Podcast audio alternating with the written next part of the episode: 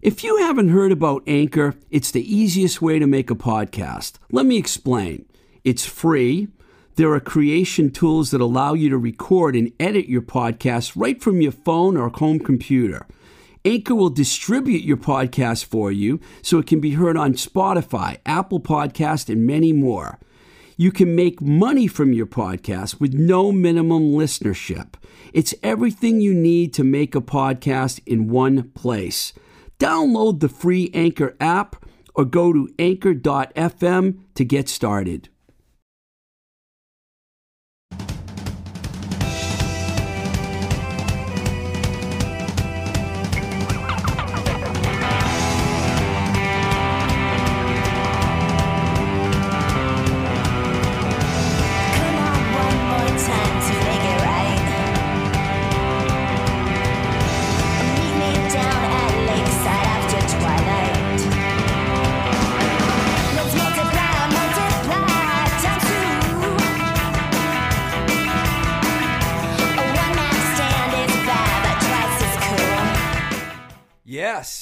Welcome to Blowing Smoke with Twisted Rico. I'm your host, Steve Ricardo.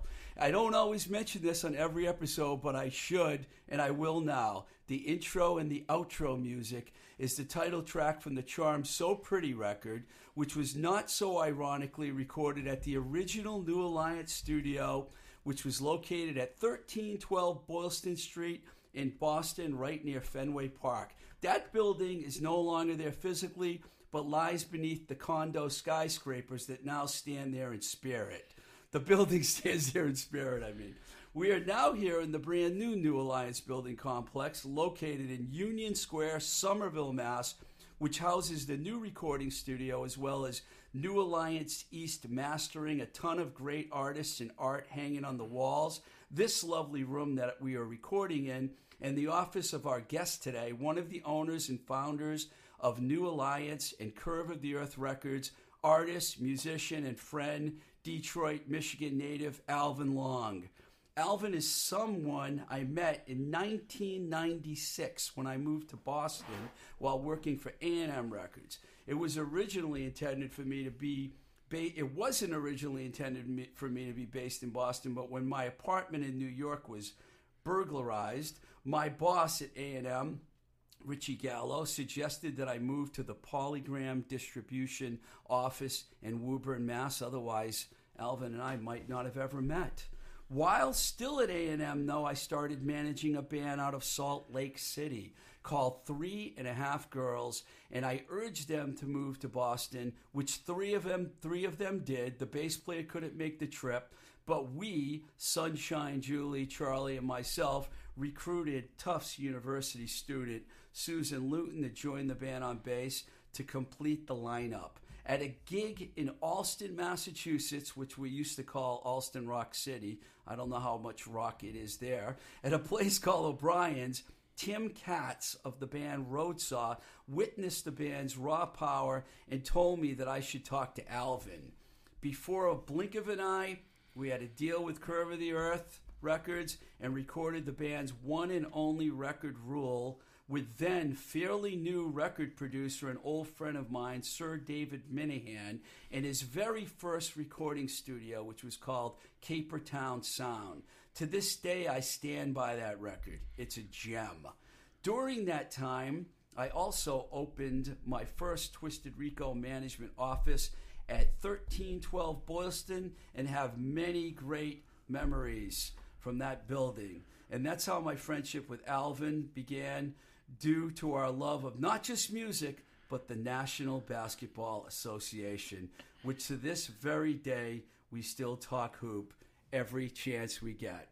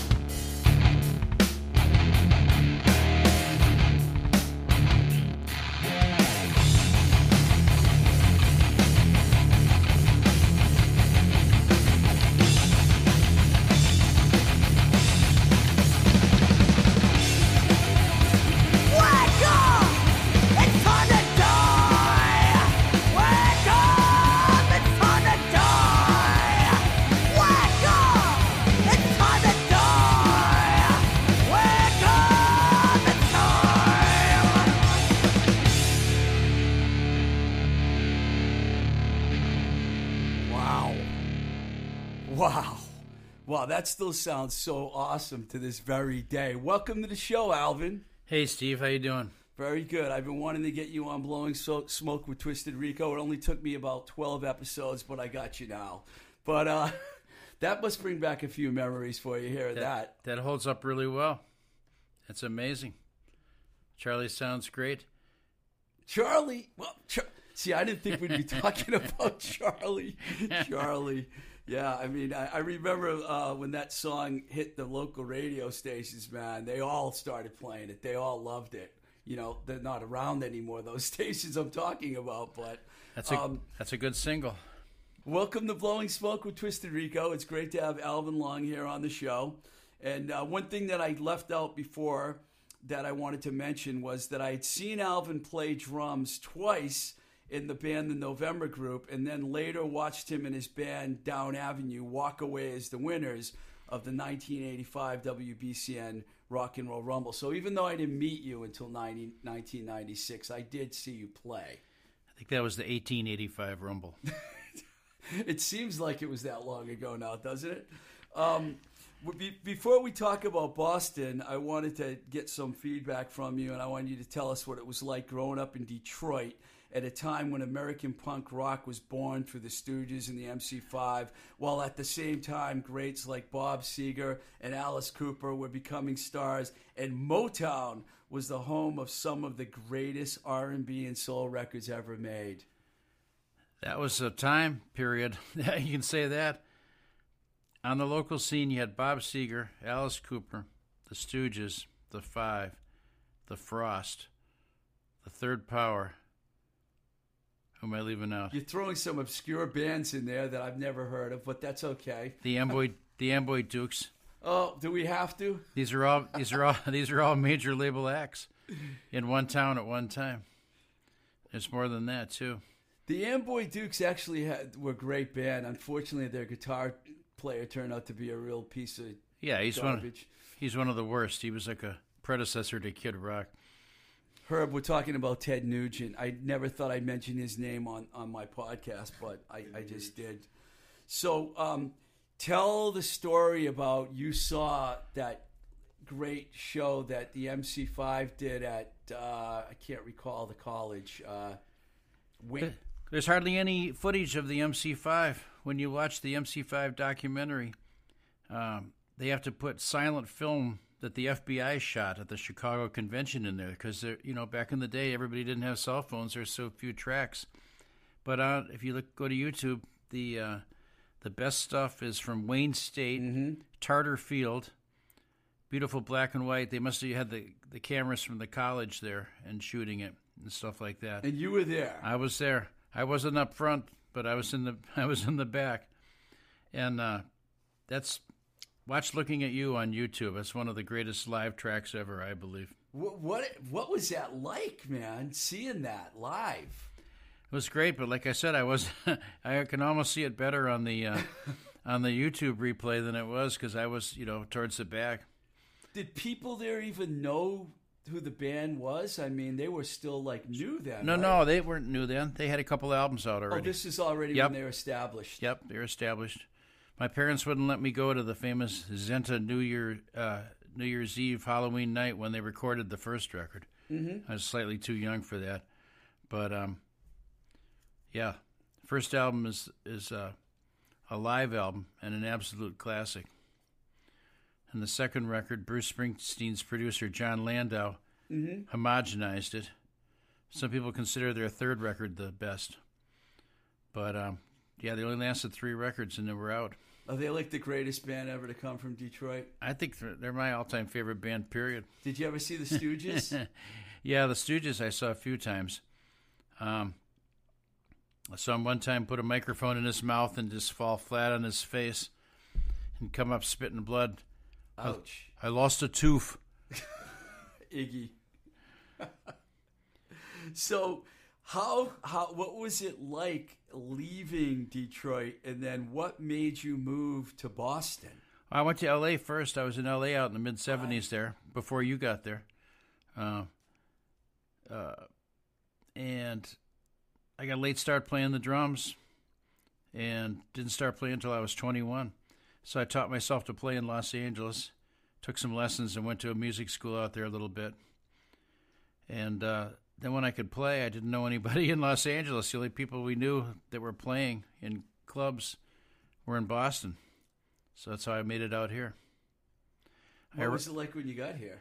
I, the, my first day in town, I arrived on October October first, nineteen seventy eight, which is the day of the Bucky Dent home run. No way. So as soon as I got here, I, I got to see Boston people suffer like immediately. Wow. They don't suffer much anymore when it comes to sports. now they got that turned around, but the, you know, that was the figurehead for a long time. So, so you were out here as a musician playing Yep. for a few years, um, more than a few, I guess, because I was going to ask you when the birth of the studio actually was. Uh, played on the jazz scene for a few years, from '79 to '80, and then uh, uh, joined a band called the Paramounts, sort of an Elvis Costello, Joe Jackson type of thing. And uh, got the November group about 1980. Studio didn't start till 1987. The studio started. Wow. Yeah. So I, when I met you, that studio had already been around for about eight or nine years. Yeah, we get the door that proves it. All three locations we've had, we carry the same door around with us, the legacy door. That was what I. Yeah, that's a good segue because I was going to ask you. You know, you were in thirteen twelve Boylston, then you moved to Cambridge for all, how many years were you there? You were there a while. We were in Fenway for 19, and then, uh, as you said in your intro, when the Red Sox won in 2004, it set off the the mad power grab, and they ran everybody out of the neighborhood. And then we went to Cambridge, and we were there for 12. So not as long as the original. No, so 19, 12, and we've been here in six months. What are you some? What are you? This is a really. that you could answer this question anyway, but what are some of your best memories of the two previous New Alliance locations as we sit number three here? Oh man, I wasn't ready for that one. Um, in- incredible parties at both of them.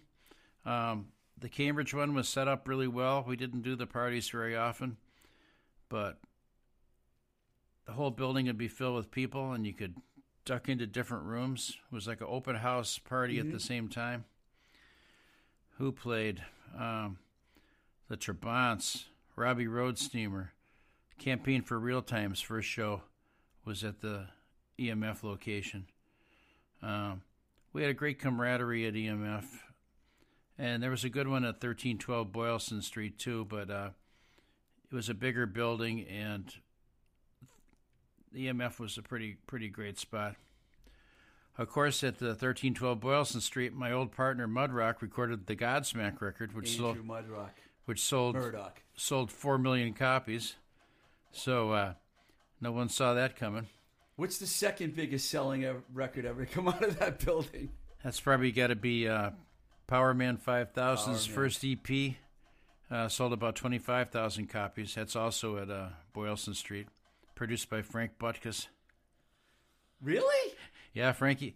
Mudrock was on uh, on the road with either Bill Bruford or Steve Hackett from Genesis, Uh huh. and uh, and Frankie picked up the slack, and he got he was in the right place at the right time. I did not know that. Well, I maybe did know that, but I forgot. That's really good. Frankie Butkus. I Yeah. knew he'd make his way onto this podcast somehow. Absolutely. So there were a lot of cool bands that rehearsed at both studios. Yeah, a lot of good stuff happened. And then we got the label going. So, you know, Quintain, Roadsaw, Swank, Three and a Half Girls. Uh, actually, no, you're right. They recorded uh, elsewhere in the building. Um, a lot of people recorded a lot of stuff there. Right. Yeah, I remember the old building had a lot of studios in it. There was like what about four or five studios in the old building, Yep. and then and it's too bad Minehan didn't make his way over to uh, Cambridge with you guys. That would have been kind of cool. Well, he was smart. He got his own place together, so they didn't get kicked out when we got Right. kicked out after 12 years. Right. Cool. Okay, so we're gonna move on to some. We're gonna really get into the good stuff now, Alvin. You, mm. you, you're gonna like this. Being as you are such a huge fan of the NBA, ready?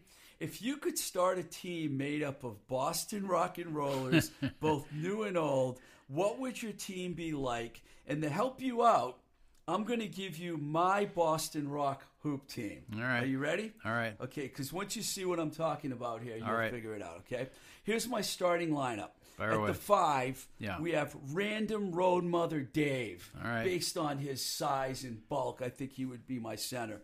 My stretch four, power forward, is the great Walter Clay from the band Sex Execs because you need a really tall dude. And he was a tall dude. How tall was he? Walter's six five and Unger's six three, so you're building a big front Pretty line. good. Yeah. My shooting guard, we already mentioned him a couple times. You got to have a great scorer, so I'm going to go with Dave Minehan at the three. He's going to be my my small forward. My, my small forward. I said shooting guard. My shooting guard's even better. You ready? Clint Connolly Clint Clowney. from Mission of Burma at All the right. two. And then the point guard was kind of hard, but I figured we needed somebody really loud that could call the plays. And when I spoke to him on the phone yesterday, he reminded me how loud he was. My point guard is Dave Tree. no, I got backups too. I I got backups. I'm giving you a lot of time to think here, so you can get your team together. Because I'm, you know, my backups. Okay, you can't leave women off your team because it wouldn't be right, especially in this day and age. So I'm going to go with longtime New York Knicks and John Starks fan, Yep. Jill Chili Kurtz at the combo guard position. Yeah. She was a pretty good hoop player. I remember we had that playground over there behind the old New Alliance, and she shot some hoop star there. Yeah. And at the three, I got to go with a real scorer, Juliana Hatfield. Who else? you know she's going to come in and hit some threes. And to round the team off, I have to have a couple of bruises coming off the bench. Al Barile would be perfect from SS Decontrol. If there's ever a problem, bring Al in the game. He'll knock a few bodies around. And I'm going to go with my friend Dave Spaz from the Liars because he's 6'3", so we needed more height.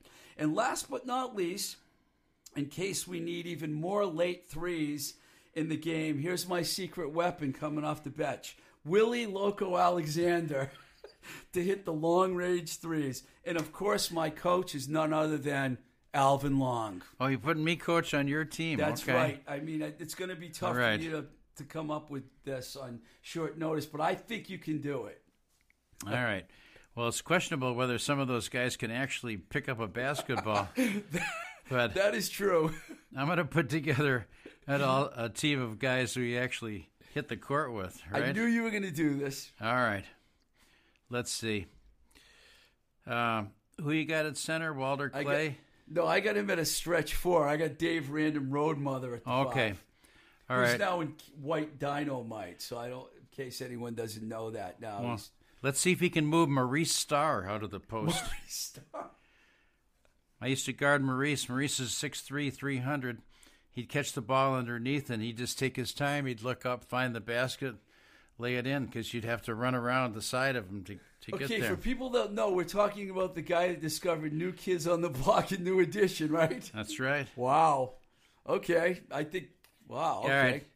He's our, he's at the center. Uh, going to use two guys from Power Man at the forward, Spider and Dorian.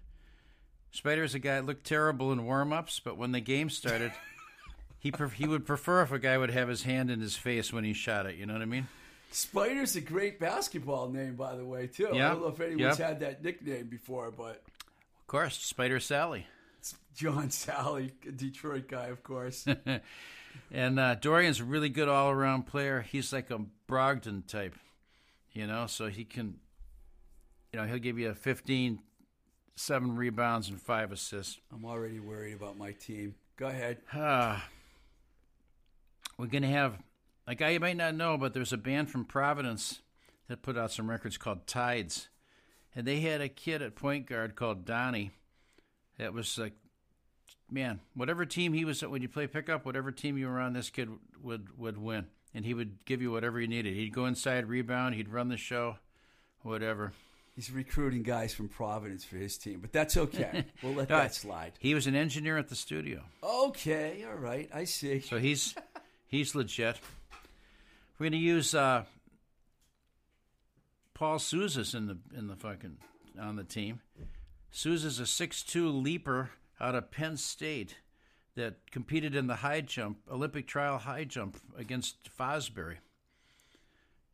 Uh, one time, one time I lent him a pair of uh, Converse sneakers with absolutely no tread on them, Right. Because we were trying to play some pickup, and he just put them on and said, "Oh, these feel good," and jumped up and dunked flat-footed without No even way. a start. Yeah. I He- don't know. I think my team's going to get crushed, Herb. Go ahead. You got any uh, bench guys or girls? Off, or our six man's Ray Fernandez. Whoa. That's a lot of beef coming off the You, bench. you want to see long distance shooting? We'll Really? Put, we'll put Ray in the game. When Ray gets hot, doesn't make any difference if Trevor Ariza's guarding him. He'll just go out shooting it farther. And See- I, I got another guy like that too. That's Marvin Huffman from uh, the Heretics. the Heretics. Incredible long range shooter too. And to guard Jill Kurtz, we're going to use Jarva. She She can play? yeah, Jarva can play. She's a nasty defender. Um, Oh, I could see it getting scrappy with uh, Jarver and uh, Chili Yeah. Kurtz. She played field hockey, and oh yeah, they don't like each other already. Well, I don't. I'm. I'm. I don't. I. I. I, know there was an incident, but I don't know. But you know, if yeah, they don't. Yeah. Well, there's my squad, and I guess I'll have to have you coach it. Well, uh, I think I wor- it worked out pretty good for me getting to be the coach of that team because I'm not my. I'm not sure my team is like you know up to par on the court as your team is, but I. I, I went That's a for good. star power. That'd be a good match. I went for star power. So uh, before I let you go, that was fun. Um, this place has become more of like a art kind of gallery. It's still got the music music thing going, but you know I know you're into art. What's going on with your art? I mean, do you have shows going on? Do you have future plans? I got a show at Render Gallery in uh, South End currently. How long's that going for? It's going to be up for another month, and the opening's on October the 11th. Nice. Yeah, six at night. Keith Pierce from Mellow Bravo is going to uh, do an acoustic set at the opening. Really? Yeah, that- Nice. that's uh, a week from yesterday. you pretty much do art every day of your life, don't yeah, you? Yeah, make art uh, every everywhere I go. Um, it relaxes you. That was one of the things I really love about this building. The other buildings had art, but this building, there's new art shows happening every Yeah. week, and We change it out every three months. you guys have a lot of parties, so the public should be aware of that. I know I have listeners everywhere, but I have a lot. This is a very Boston centric show we're doing right now. So Yeah. if you're in the area and you hear about a show at New Alliance, you should find New Alliance Gallery on Facebook. Sign up there, and you'll get it, get all the invites. cool. And the studio's happening now. Studio's up. There's uh, yeah, and the mastering room's up. Everything's running good here. The podcast room. Obviously, we're on the air now. So happy to be here. Herb, Herb's in charge over here with his backup Ed and Dave Tree. Brian James Wanders. Brian James Wanders, Is that his name? Yeah. Wow, that's a cool name. It almost sounds like you Sounds like you're in the Brian Damned, right? Jamestown, uh, Jonestown Massacre Yeah. side project. Well, thanks a lot, man. I'm glad that you came on the show. Fun, Steve. We'll do it again sometime. Definitely. Um, a couple things before I go, aside from the studio. Uh, um, oh, actually, I just I, I already said that, so I'm not going to go back. I wanted to mention this because we were sad to hear about the passing of L.A. garage rock legend Kim Shattuck this past week. She was the leader of the incredible uh, L.A. garage band, the Muffs, and before that, spent five years as the bassist of the legendary Pandoras, who were one of my favorite bands, one of the first real all-girl American garage rock bands. Which you know, Kim now joins the leader of that band, Paula Pierce, who passed away at the age of 31 due to a brain aneurysm. So those two can get together in rock and roll heaven, and um, it's been a rough year so far for rock people dying, but I'm sure there's going to be more, unfortunately. Um, I'd like to thank our sponsor, JLS Design, 187 Main Street, Leicester, Mass. That's the Cherry Valley section of Worcester. They do custom sp- screen printing and embroidery. Great place for bands to get all their t-shirts, hats, hoodies, etc. You can reach them at jlsdesignprinting.com, jlsdesignsales at gmail.com. I'd also like to thank our engineer, Dorchester's own Herb Morsiglio. I just love saying that name. Morsiglio. The Puerto Rican with the Italian last name, accompanied by the Italian with the Spanish last name. I'm not going to say Puerto Rican last name because that doesn't really sound right. So I'll just say Spanish, you know, the Mersiglio Ricardo connection. And I also want to thank um, all our patrons that are supporting the show Zach, Matt, Ellie, Sue K, Andy, Maria, Chad, and Lee. Your support is fantastic. Once again, if you want to support us, it's only a dollar a month on our Patreon page, which is www.patreon.com slash twistedrico, where you can also get exclusive photos, uh, updates, etc. Thank you so much to everyone out there supporting the podcast. Until the next time we say goodbye, this is Blowing Smoke with Twisted Rico. I'm your host, Steve Ricardo. Keep the rock and roll alive.